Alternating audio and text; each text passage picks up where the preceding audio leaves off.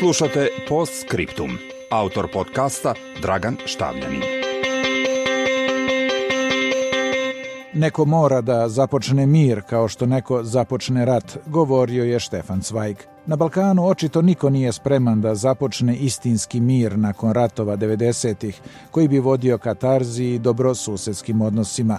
Umjesto toga mentalno smo i dalje u ratovima, tako da verbalno nisu završeni ne samo posljednji oružani sukobi, nego ni drugi, pa čak ni prvi svetski rat na ovim prostorima.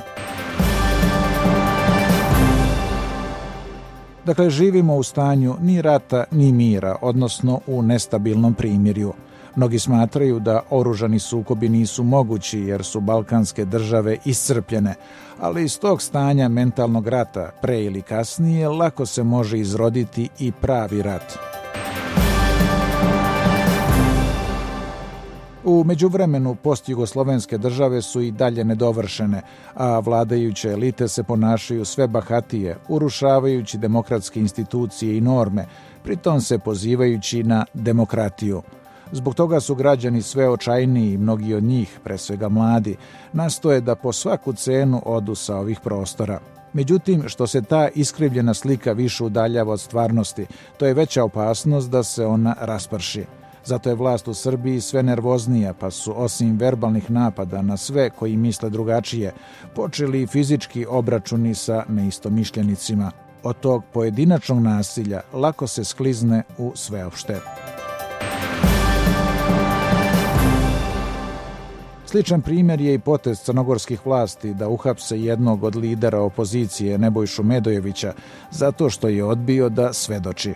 Ne zna se kada su vlasti osionije, kada se osjećaju nadmoćno ili su u strahu za svoju poziciju, pa je brane po svaku cenu.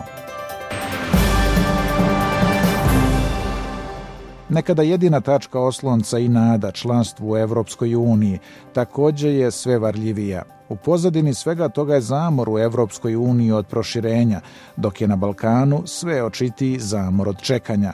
Zbog toga jača euroskepticizam pa i anti-evropejstvo na Balkanu, što ima za posljedicu slabljenje normativne hegemonije Evropske unije, tačnije neupitne valjanosti vrednostnog sistema na kojem počiva, pa samim tim i njena moć i mehanizmi uticaja na balkanske države, iako se one kreću kao ovom bloku, što je još jedan paradoks. Taj prazan prostor koriste drugi akteri, pre svega Rusija i Kina, koja je u 2018. postala najveći investitor u regionu. Zbog toga su na Balkanu svi scenariji u igri. Stoga se ovaj pogled na godinu na izmaku ne razlikuje od prethodnih. Jedina je razlika što se situacija zapravo pogoršava.